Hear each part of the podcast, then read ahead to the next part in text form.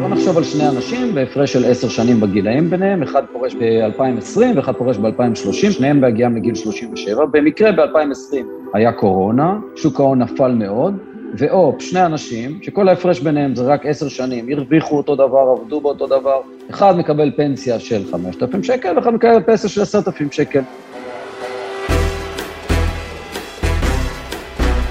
היי, אני הילה וייסברג. ואני עמירם ברקת. ואתם מאזינים ל"צוללים לתקציב", הסדרה שלוקחת אתכם אל נבחי תקציב המדינה ומספרת לכם מה קורה איתו, צעד אחר צעד. עד עכשיו דיברנו, ועוד נדבר, על כל מיני רפורמות שמלוות את התקציב כחלק מחוק ההסדרים, כמו הרפורמה בחקלאות, העלאת גיל פרישה לנשים, אגרת גודש בכבישים, מיסוי על משקאות ממותקים, נושאים שקרובים ליום-יום שלנו, שקל להבין. אבל היום נדבר על רפורמה שאולי שמעתם עליה ואולי לא, אבל גם אם שמעתם עליה, יש סיכוי די טוב שלא הבנתם כלום. אנחנו מדברים על הרפורמה באג"ח המיועדות בקרנות הפנסיה. אוקיי, עכשיו בבקשה, בבקשה, אל תיעלמו, תישארו איתנו, תנו לנו לנסות להסביר. הפנסיה היא מה שיהיה לכולנו אחרי גיל פרישה, כשנהיה מבוגרים וכבר לא נוכל לעבוד. וכדי להבטיח לעצמנו קצבת פנסיה סבירה, מעין משכורת, אנחנו מפרישים כבר מהמשכורת הראשונה שלנו ולכל אורך הקריירה 7% לקרן פנסיה. ובסוף, אם האוצר מקדם היום משהו שיכול להקטין לנו בעתיד את קצבת הפנסיה בכמה מאות שקלים, אפילו יותר, אז כדאי שנדע מזה, לא? לפני שנזכיר שוב את המילים המפחידות האלה, פשוט נדבר על עצמנו, על הכיס שלנו. היום הכסף שאנחנו אה, שומרים בצד בשביל הפנסיה שלנו, מושקע בכל מיני אפיקים, במניות, באג"ח, נסביר תכף מה זה אומר, אפילו בנדל"ן ובהלוואות פרטיות שהקרנות נותנות. אנחנו רוצים לדבר על אה, מוצר פיננסי שנקרא אגרות חוב מיועדות, והוא מהווה 30% מתיק ההשקעות של הפנסיה שלנו. אוקיי, אבל מה זה אומר? אגרות חוב מיועדות, למי הן מיועדות? מה זה אגרות חוב? האג"ח המיועדות הן בעצם הלוואה שקרנות הפנסיה נותנות למדינה. המדינה מלווה כסף מאיתנו, החוסכים לפנסיה, והיא משלמת לנו על ההלוואה הזאת ריבית שנתית של 4.86 אחוז. אה, בתוספת הצמדה למדד, שזו תשואה שאי אפשר לקבל היום באף אפיק סולידי. אם תשימי את הכסף שלך בתוכנית חיסכון בבנק, אין סיכוי שתקבלי משהו שאפילו קרוב לזה. ויש גם את ההלוואות הרגילות, כלומר, אג"ח מדינה שאינן מיועדות. בדיוק. אחרי שה-30% מהתיק הולך לאג"ח המיועדות, אז חלק מהכסף שנשאר לקרנות הפנסיה, שאנחנו מפרישים אותו, אה, הולך לאג"ח מדינה, והתשואה באג"ח מדינה רגילות, כאלה שאפשר לקנות ולמכור בבורסה, היא פחות מאחוז. אז זה בעצם נותן לנו מושג כמה גדולה התרומה של האג"ח המיועדות של המדינה לתיק החיסכון הפנסיוני שלנו. אז בעצם כבר הרבה מאוד שנים במשרד האוצר רוצים לשנות את המודל הזה, כי הוא לא משתלם לאוצר, למדינה, ולא כל כך מצליח, עכשיו הוא מנסה שוב. נכון מאוד. בעצם כשיש צד אחד שמרוויח, החוסכים אה, לפנסיה, יש גם צד אחד שמפסיד, וזאת המדינה שמשלמת לנו ריבית כל כך גבוהה על האגרות חוב האלה. Mm-hmm. לפי התחשיבים של המדינה, היא מפסידה בכל שנה 9 מיליארד שקל על האג"ח המיועדות שהיא מנפיקה לקרנות הפנסיה שלנו, והסכום הזה בגלל שמספר החוסכים לפנסיה הולך וגדל כל הזמן, mm-hmm. המדינה מעריכה שגם הסכום הזה שהיא, שהיא מתקצבת את ה... אפשר לקרוא לו מסבסדת את קרנות הפנסיה, ילך ויגדל עם השנים ויגיע אפילו ל-15 ואולי אפילו ל-20 מיליארד שקל בשנה, זה באמת סכום מפחיד, וזה מביא את המדינה לחשוב על איזשהו פתרון שיחליף את האג"ח המיועדות, וזה בעצם מה שהמדינה מנסה לעשות עכשיו, האוצר, ההצעה שהאוצר הכניס לתוך חוק ההסדרים, שאומרת במקום אג"ח מיועדות, הבטחת תשואה. אוקיי, okay, אז ההצעה הזאת צפויה לעשות טוב לקופת המדינה ולאוצר, מה לגבינו החוסכים? אז ככה, באוצר אומרים שלא רק שההצעה הזאת לא תפגע בנו, היא אפילו תעזור לנו. איך? במקום התשואה של 4.86, שאיגרות החוב האלה ישלמו לנו כל שנה, mm-hmm. האוצר ייתן לנו רשת ביטחון, שאומרת שאם התיק שלנו יעשה פחות מחמישה אחוז, האוצר ישלים לנו לחמישה אחוז. כלומר, קצת יותר ממה שהם מקבלים באיגרות החוב. Mm-hmm. ומצד שני, בשנים שבהם התיק שלנו יעשה יותר מחמישה אחוז, אז האוצר לא ישלים לנו. אפילו האוצר הולך צעד נוסף, ואומר שבמקרה כזה, הוא ייקח את הרווח שנעשה, את הרווח היחסי שנעשה על אותו מרכיב אג"ח מיועדות, mm-hmm. והוא ישים את הכסף הזה בצד, ועם זה הוא יבנה איזושהי קרן שהיא תממן לנו את הרשת ביטחון במשברים קשים שבהם לא נגיע לחמישה אחוז. וכל כמה שנים הוא יתחשבן איתנו? מכיוון ששוק ההון, יש שנים שהוא עולה בחדות ויש שנים שהוא יורד בחדות, זה ממש רכבת הרים, האוצר יעשה את החשבון אם הפסדנו או הרווחנו פעם בחמש שנים. אתה בפרק אה, היום, אמירם, תשוחח עם כתבת הצרכנות הפיננסית של גלובס, אתי אפללו, עם דוקטור יאיר כוכב מהמרכז לפנסיה, ביטוח ופסיכולוגיה כלכלית באוניברסיטת בן גוריון, ועם עידן ארץ, כתב הדאטה ג'ורנליזם של גלובס. אז שלום אתי אפללו. שלום רב אמירם. בואי נתחיל מהעניין עצמו. את אומרת שיש בעיה עם הרפורמה, אבל מה מפריע לך בעצם? הרי האוצר בא ואומר, כל מי שקיבל עד היום תשואה של 4.86, יקבל מעכשיו 5%, אז החוסכים לפנסיה לא אמורים בכלל להיפגע, אולי אפילו ההצעה של האוצר משפרת את מצבם.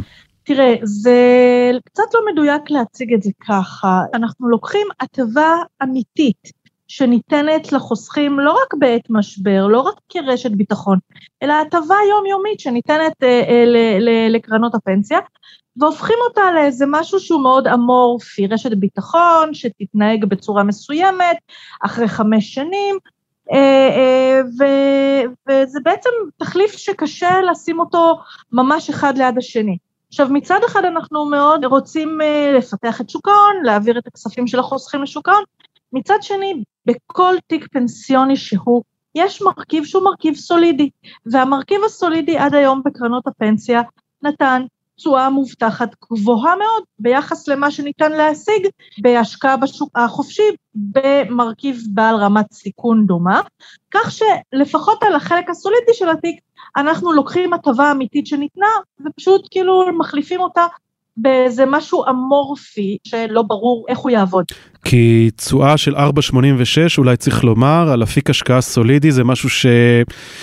חוץ מבאג"ח המיועדות של ישראל, קיים היום אולי רק באגדות, לא? באגדות לגמרי. אבל המדינה נותנת רשת ביטחון, אז היא משלימה את זה, לא? רשת ביטחון זה בזמנים של חירום, לא בזמנים של שגרה.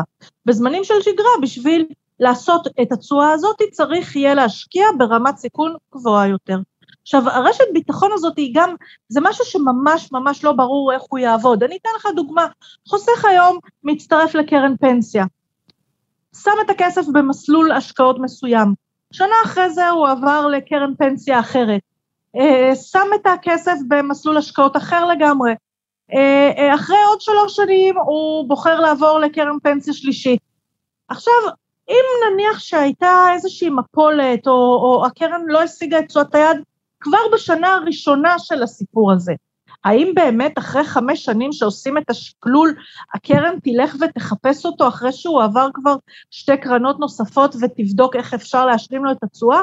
בעוד שלחוסכים צעירים אתה אומר, אוקיי, ניתן להכיל את האמורפיות הזאת ובוא נראה איך זה יעבוד, זה יותר בעייתי כשמדברים על החוסכים המבוגרים. עכשיו, ברור שצריך להחליף את המנגנון של האג"ח המיועדות, אבל היו הרבה מאוד מנגנונים שהוצאו בדרך, אה, שנותנים איזושהי ודאות לפחות לשכבה המבוגרת יותר של החוסכים, ולמרות זאת הממשלה בחרה להחליף אותם במין הבטחה כזאת של כן, כן, זה בסדר, ברגע האמת אה, אה, נשלים לכם תשואה. ובואו גם נזכור איך ייראה רגע האמת. רגע האמת ייראה שיהיה פה משבר בשווקים, שיחתוך את השווקים ב-30-40 אחוז, שיפגע בכלכלה הריאלית, במערכת הבנקאית, שבדיוק באותו רגע יהיה לחץ מאוד מאוד גדול על הממשלה, ולצפות שבדיוק ברגע הזה היא תכניס איזשהו אה, אה, יד לכיס ותביא תקציב גם להתחייבויות האלה, וואלה, אני מבינה את האנשים שאומרים ברגע האמת זה לא יקרה. אוקיי, okay, אז אם אני חוסך אה, מבוגר, אז יש לי סיבה להיות אה, מודאג, כי בעצם אני מקבל פה אה, משהו, מוצר אחר שהוא פחות בטוח. אם אני חוסך צעיר, אז יכול להיות שאני אוכל לתקן את זה במהלך השנים. אבל השאלה שנשאלת היא, מה, מה הסיכוי שזה, שזה יקרה, המהלך הזה, להערכתך? את רואה את הרפורמה הזאת קורית, עוברת בכנסת? אנחנו נמצאים במין אקלים כזה פוליטי, שזה נראה כאילו לא תהיה בעיה להעביר דברים עכשיו. אנחנו, אה, יש שלל רפורמות פיננסיות עכשיו, מהעלאת גיל הפרישה ועד אה, אה, שינוי האג"ח המיועדות, ועושה רושם שמה שבעיקר מטריד את הציבור זה אה, המס על הקולה. ולכן נראה לי שאחרי מאוד, הרבה מאוד שנים שמנסים להחליף את מנגנון האג"ח המיועדות, כרגע זה הנקודה שבה הסיכוי הוא הגבוה ביותר שאכן הדבר הזה יקרה בצורה כזו או אחרת. אתי אפללו, תודה רבה. תודה רבה לכם. טוב, אתי בעצם בעיקר חוששת מכך שהאוצר יוכל לסוג די בקלות מההבטחות שלו. נכון. אמנם האוצר אומרים שהם מתכוונים לחוקק את ההתחייבות שלהם לרשת ביטחון בחקיקה ראשית, זאת אומרת חוק של הכנסת. נשמע נהדר, נכון? ממש. אז בואי נסתכל שנייה קצת על העבר ונראה מה אפשר ללמוד ממנו. חוק של הכנסת, את יודעת מה? יותר רחוק, חוק יסוד של הכנסת. את זוכרת מה קרה לנו בממשלה האחרונה? לא זאת של עכשיו, אלא זאת שלפניה? מה קרה? כמה חוקי יסוד של הכנסת שינו כדי שהממשלה תוכל לקום פשוט מתוך איזשהו הסכם פוליטי, כי בני גנץ ובנימין נתניהו לא סמכו אחד על השני? אז אפשר לשנות כל חוק ואפילו כל חוק יסוד, כל עוד זה בידיים שלך. מצד שני, איגרת חוב יהודית זה משהו שהוא לא לגמרי בשליטת האוצר, כי אם האוצר לא יעמוד בתנאים של איגרות החוב היהודיות, השוק יעניש אותו, כי זה אומר שהמדינה, מדינת ישראל, לא עומדת בהתחייבויות שלה, ועל דבר כזה המדינה תשלם מחיר שהיא לא יכולה לשלוט בו. אז לפני שאנחנו מגיעים לעוד ביקורת שישנה על התוכנית של האוצר, בוא נשמע קצת אה, לגבי ההיסטוריה של המוצר הזה, מאיפה הוא הגיע ולאן הוא הולך. שלום לדוקטור יאיר כוכב. שלום, רם. אנחנו פנינו אליך בעקבות מאמר שאתה פרסמת יחד עם פרופסור אביה ספיבק, אה, לשעבר המשנה לנגיד אה, בנק ישראל, שבו אתם בעצם מציגים אה, מודל משלכם לחוסכים לפנסיה. כן, נכון מאוד, אנחנו חוקרים וחקרנו, וחלק מהרעיונות שהאוצר באמת מיישם זה רעיונות שעלו בעקבות הרבה מאוד שיחות שניהלנו עם כל הגורמים במשרד האוצר, גם בחשב הכללי, גם ברשות שוק ההון וכמובן באגף תקציבים. מודל מאוד מעניין שיכול לשפר לאזרחים את המצב הפנסיוני. אז לפני שנגיע לדבר על המודל שלך, רק uh, ספר לנו, כי יש לך גם uh, לא מעט רקע על איך בעצם מתפתח ההסדר הנוכחי, איך נכנסו לחיינו הדברים המוזרים האלה שנקראים אג"ח מיועדות. אז אג"ח מיועדות זה בעצם אגרות חוב שהמדינה מנפיקה עבור קרנות הפנסיה, כיום עבור 30 אחוז, בעבר, בהיסטוריה היה 93 אחוז. ראשיתן אה, פחות או יותר בסוף שנות ה-50, תחילת שנות ה-60, בהסכם בין אה, לוי אשכול בתקופתו כשר אוצר, ופנחס לבון שהיה מזכיר, אה, מזכ"ל ההסתדרות, כשההסתדרות בעצם איימה לקחת את הכסף שהחוסכים שהיא ניהלה את קרנות הפנסיה עבורם, היא איימה להשקיע אותו במפעלים של ההסתדרות, ושר האוצר איים. בזמנו האוצר היה זקוק למימון, ובעצם אה, אה, נרקמה עסקה, מאז ועד היום קרנות הפנסיה בעצם מממנות את הגירעון הממשלתי, החיסכון אה, של האזרחים מממן את הגירעון הממשלתי. וזה הסדר שהוא ייחודי למדינת ישראל, או שיש אותו במדינות נוספות? יש מדינות נוספות שבהן גופים קשורים לממשלה משקיעים את הכסף אצל הממשלה, בעצם קונים אגרות חוב. ההסדר הוא ייחודי במדינת ישראל, והוא גם, אני חושב, מוטיבציה למה שמשנים היום במשרד האוצר, ההסדר הייחודי הוא זה שבאמצעות אגרות חוב, משרד האוצר, או בעצם אה, הממשלה, מסבסדת את החיסכון הציבורי. זה הסדר, אה, נגיד, ייחודי, הייתי אומר ייחודי לרעה על ידי מדינת ישראל. כשאתה אומר מסבסדת, אה, בעצם אתה אומר משלמת לקרנות הפנסיה שמלוות לכסף, משלמת להם ריבית מאוד גבוהה, הרבה יותר גבוהה מהריבית שהיא משלמת לאנשים שקונים את אה, אגרות החוב שלה בבורסה, למשל. מדויק, היום במדינת ישראל, כשאתה קונה אגרת חוב ממשלתית ל-15 שנה, צמודת מדד, הריבית היא פחות או יותר חצי אחוז. אה, קרנות הפנסיה קונות אגרות חוב ערד, מקבלות עליהן 4.8 אחוז, זה הפרש די גדול, וכל ההפרש הזה הוא בעצם סבסוד של התשואה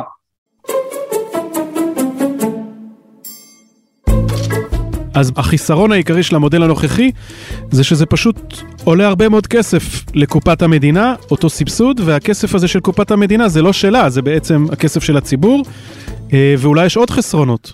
כדאי קודם להזכיר את המוטיבציה לדבר הזה. עד uh, אמצע שנות ה-90, 1995, uh, החוסכים לא היו חשופים לסיכון ריביות בשוק ההון, בגלל שקרנות הפנסיה הוותיקות שילמו לפי כמה הפקדת אצלם, ולא לפי כמה התשואה של שוק ההון עשתה. החל מאמצע שנות ה-90, כשנפתחו קרנות הפנסיה החדשות, וכולנו בעצם, גם אני וגם אתם, הם משקיעים את הכסף שלנו בקרנות פנס, דרך קרנות פנסיה חדשות, בעצם החוסכים חשופים לתשואות, וגובה הפנסיה שלי חשוף לכמה אה, אחוזי תשואה עשיתי לאורך השנים בחיסכון הפנסיוני שלנו. מדינות רבות בעולם, כשעשו את המעבר הזה מפנסיה מובטחת, DB, לפנסיה אה, של אה, תשואה, DC, ליוו את זה, כמו במדינת ישראל, במידה מסוימת, עם הבטחת תשואה. בצ'כיה זה קיים, ביפן צריך לעשות את הדבר הזה, בסלובקיה גם, בשוויץ צריך להגיע לתשואה, מגינים על תשואה של 2%, בגרמניה, בבלגיה, זה הרבה מדינות בעולם מגינות על תשואה.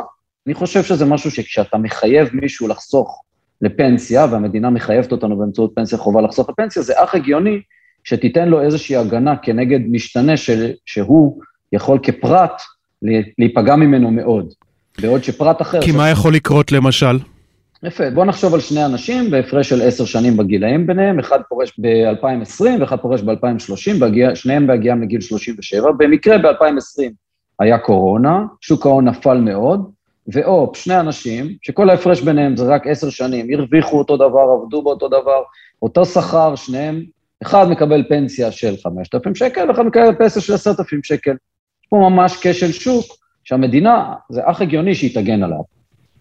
והדרך להגן עליו זה כנראה באמצעות איזשהו מנגנון של ביטוח, של הבטחת תשואה, מאוד דומה למה שמנסים אה, היום להנהיג במדינת ישראל, וקצת שונה מאגרות חוב המיועדות.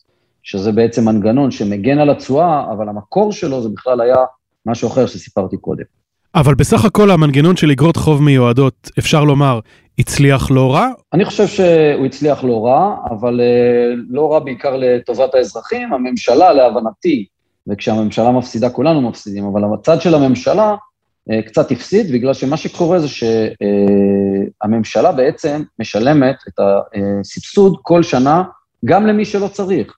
גם למי שפורש כששוק ההון גבוה וגם למי שפורש כששוק ההון נמוך, המדינה משלמת את אותם 4.86 אחוז תשואה. וזה לכשעצמו מנגנון מאוד לא יעיל. ומכאן בעצם באה ההצעה שלכם להבטחת תשואה שאומרת, בשנים שאתם תרוויחו אה, אנחנו לא נתערב, אבל בשנים שבהם תפסידו, אנחנו בעצם אה, נעזור לכם ונגן עליכם מפני ההפסד. מדויק. אם אנחנו נסתכל על התשואות ארוכות הטווח בשוק אה, הון אה, חופשי רגיל, בתיק מאוזן, אז התשואה אה, ארוכת הטווח הממוצעת היא הרבה יותר גבוהה מ-4.8. ולכן, אם אנחנו נרשה לכל החוסכים להשקיע את הכסף שלהם בשוק ההון, אז בממוצע הם יעשו תשואה טובה יותר מאשר הם עושים על 30% מהתיק שלהם באג"ח מיועדות. אבל מה? עדיין יכול להיות דור שפורש ב-2020 כשיש משבר קורונה, והוא, לצורך העניין, קצת אה, נפגע. ולכן, נכון, עבור הדור הזה להנהיג מנגנון של ביטוח, אם נפגעת, נשלם לך. זה בעצם המהות של ביטוח תשואה נגד נפילות. האוצר אה, מקבל את הרעיון בצורה חלקית, האוצר מציע לעשות את הדבר הבא, אתה, לא רק ביום הפרישה לפנסיה נבדוק כמה כסף אה, אה, השקעת וכמה כסף תשואה עשית, האוצר אומר, כל חמש שנים אני אבוא ויבנה לך ויבדוק לך אה, את התשואה. ואם חסר לך כסף, אני אוסיף לך. אם יש לך עודף של כסף, וכאן אני חושב שהאוצר יחסית פוגע במבוטחים, אני לוקח לך את הכסף. למה הוא לוקח את הכסף? בשביל לממן את השנים הרעות שחסר לו כסף. אני חושב שיכול להיות מנגנון אלטרנטיבי טוב בהרבה. מה אתה מציע? התכונה הכי טבעית של שוק ההון זה שמה שיורד בסוף עולה. שוק ההון באופן עקרוני מאז שהתחילו, מאז שהאנושות מודדת תשואה על נכסים, מכל מיני סיבות התשואה תמיד חיובית, בממוצע. ולכן, רוב הפעמים, כל ההפסדים שלנו בתוך חמש שנים, אם נחכה עוד חמש או עוד עשר שנים, יעלו חזרה, ובעצם הרווחים ימחקו את ההפסדים. אני מציע לעשות חישוב כל שנה, אבל לאורך תקופה מאוד ארוכה. כלומר, בוא נאמר שעמית או חוסך מתחיל לעבוד בגיל 30, והוא גבר ופורש בגיל 37, אני מציע לעשות ביום הפרישה שלו חישוב בדיעבד על 37 שנים. בדרך זאת, רוב האנשים בעצם מבטחים את עצמם, לא כל חמש שנים, אלא כל נקודת פרישה על טווח מאוד ארוך. כלומר, המדינה תעשה לך חישוב ביום היציאה שלך לפנסיה בגיל 67, ואם הרווחת פחות מחמישה אחוז לשנה, המדינה תשלים לך, ואם הרווחת יותר, המדינה לא תשלם. נכון, זה היתרון המשמעותי לחוסכים שאני מציע. אם הרווחת יותר, הכסף נשאר אצלך, והפנסיה שלך יותר גבוהה. אם הרווחת פחות, אני מציע לך לפחות את חמשת האחוזים שהמדינה אה, מסבסדת לך או מבטיחה לך. בדרך זו, גם המדינה משלמת פחות, בגלל שכמות הפעמים שהיא צריכה להכניס את היד לכיס קטנה, פשוט כי האנשים מבטחים את עצמם רוב הזמן, וגם האזרחים מרוויחים יותר. למה? כי בממוצע רוב האנשים ירוויחו יותר מחמישה אחוז. פשוט על uh, זמן. אז איך אתה מסביר את ההתעקשות של האוצר לגבות את הכסף או לשמור אצלו את הכסף אה, שמעבר לחמישה אחוז תשואה כדי לממן את הרשת ביטחון הזאת? מאיפה זה מגיע? אני חושב שהתשובה, המקור שלה זה תהליך החקיקה. האוצר מאוד מפחד שהוא לא יצליח להעביר את זה בחקיקה בכנסת, ולכן הוא מציע פתרון שהוא פחות טוב, אבל הוא לכאורה אה, נקלט יותר טוב. הוא אומר, אני כל הזמן אדאג שיהיה כסף אה, שיממן בשנים רעות. איך אני אדאג שיהיה כסף בשנים רעות? מקור המימון שלי יהיה בעצם השנים הטובות. ולכן לא יהיה מצב שבו יש שנה אחת שאני אצטרך להכניס את היד לתקציב המדינה ולתת הרבה כסף. אני אקח כסף שמעל חמישה אחוז, ואשים אותו בקרן, כשהקרן הזאת אה, צריכה להתרוקן, יהיה במלאי, ואני לא, לא נצטרך להסתמך על תקציב המדינה. דוקטור יאיר כוכב, תודה רבה לך. תודה לכם. אוקיי, okay, אז שמענו את דוקטור יאיר כוכב, והוא מדבר על כך שבעיניו אין שום תוחלת בהתחשבנות הזאת כל חמש שנים, ושצריך לעשות את זה ממש על סף היציאה לפנסיה. כן, נכון, אז מסתבר שהאוצר אה, אימץ את המודל של אה, יאיר כוכב ואביה ספיבק, אבל עשה שני שינויים שיאיר כוכב חושב שנובעים מאילוצים פוליטיים. יכול להיות שזה גם שוב הסתכלות של האוצר, של החור שבגרוש. האוצר בא ואומר, אני לא יודע מה המקור התקציבי שיהיה לי בשביל לממן את רשת הביטחון, ולכן אני רוצה להיות לא רק שותף בהפסדים, אלא גם שותף שלכם ברווחים. ואולי כל הסיפור הזה של רשת ביטחון בכלל מיותר ולא צריך אותו? תתפלאי, אבל יש גם מי שחושב ככה בדיוק, ונמצא איתנו בדיוק בשביל זה, נמצא איתנו אה, כתב הדאטה ג'ורנליזם של גלובס, עידן ארץ. שלום שלום. אתה בכלל חושב שכל ההסדר הזה של האג"ח המיועדות, הוא סוג של אה, משהו אנכרוניסטי ומיותר שהיה צריך להתבטל מזמן. ממש ככה. יש עם הדבר הזה כמה בעיות. אה, בראש ובראשונה, שזה פשוט אה, סבסוד מאוד מאוד רגרסיבי. זאת אומרת, אנחנו נותנים הרבה יותר לעשירים מאשר לעניים. מה זאת אומרת לעשירים? זאת אומרת למי שיש לו הרבה כסף בקרן הפנסיה? נכון. אם, כי אם הוא למי... מקבל 30% מהתיק ופשוט התיק שלו הרבה יותר גדול. נכון, והוא ממש מקבל בשקלים הרבה הרבה יותר כסף מהמדינה מאשר מישהו שיש לו פנסיה נמוכה יותר. אז uh, מה תגיד לאנשים שאומרים שזה לא הוגן, שאנשים שיוצאים לפנסיה יהיו חשופים לתהפוכות בשוק ההון, הרי אתה יכול לחסוך, לעבוד כל החיים שלך, וברגע הפרישה פתאום אה, יצא לך לשנה שבה הבורסה התרסקה. אז מה אתה יכול להציע להם?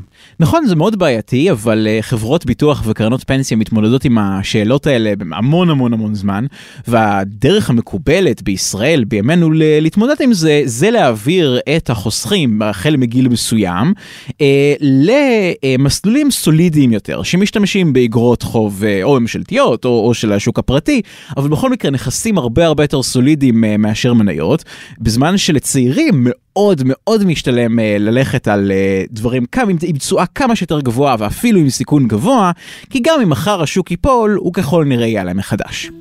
תודה רבה עידן. תודה מירם. טוב, אז שמענו כל מיני דעות ונקודות מבט על הסיפור של האג"ח המיועדות. איך אתה מסכם אותן? אז uh, המהלך שהאוצר מציע לא משפר את מצבם של החוסכים, נדמה לי שעל הנקודה הזאת כל המרואיינים שלנו מסכימים. והיא כרוכה בלא מעט סימני שאלה. אנחנו יודעים שמה שעבד עד עכשיו עבד מצוין בשביל החוסכים, אנחנו מבינים שזה עבד הרבה פחות טוב בשביל המדינה, ואולי מהבחינה הזאת, טוב שהמדינה עושה איזשהו פתרון אחר ולא מחכה לאיזשהו משבר ואז בוחרת פתרון הרבה יותר גרוע, יכול להיות שזה הרע במיעוטו. ומצד שני אנחנו צריכים לזכור שחיסכון לפנסיה הוא לא משהו שהאזרח יכול לנהל בעצמו, זה משהו שאנחנו האזרחים בקושי מבינים בו, ולכן כן חשוב שתהיה שם מדינה ברקע, שתדע לדאוג לאינטרסים שלנו, וחשוב שגם אנחנו נהיה שם כדי לספר לכם מה המדינה מתכננת לעשות וממה להיזהר. אז בזה אתה פחות מסכים עם עידן, אתה אומר המדינה כן צריכה להתערב.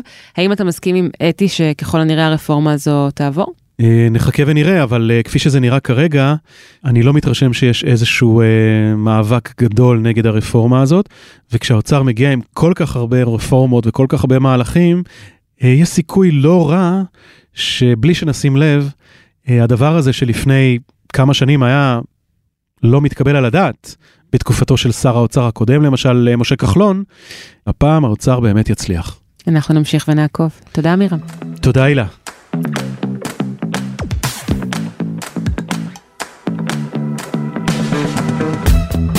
ממשרד האוצר נמסר בתגובה. ההצעה ליישום מנגנון חדש היא תוצר של עבודה מקצועית ויסודית שנעשתה במשרד האוצר בשנים האחרונות וביתר שאת בחודשים האחרונים, ויושרה בידי שר האוצר והממשלה. המנגנון החדש יאפשר להפחית את הגידול המשמעותי הצפוי בהוצאות הריבית על אגרות החוב המיועדות ולשפר את ניהול החוב הממשלתי.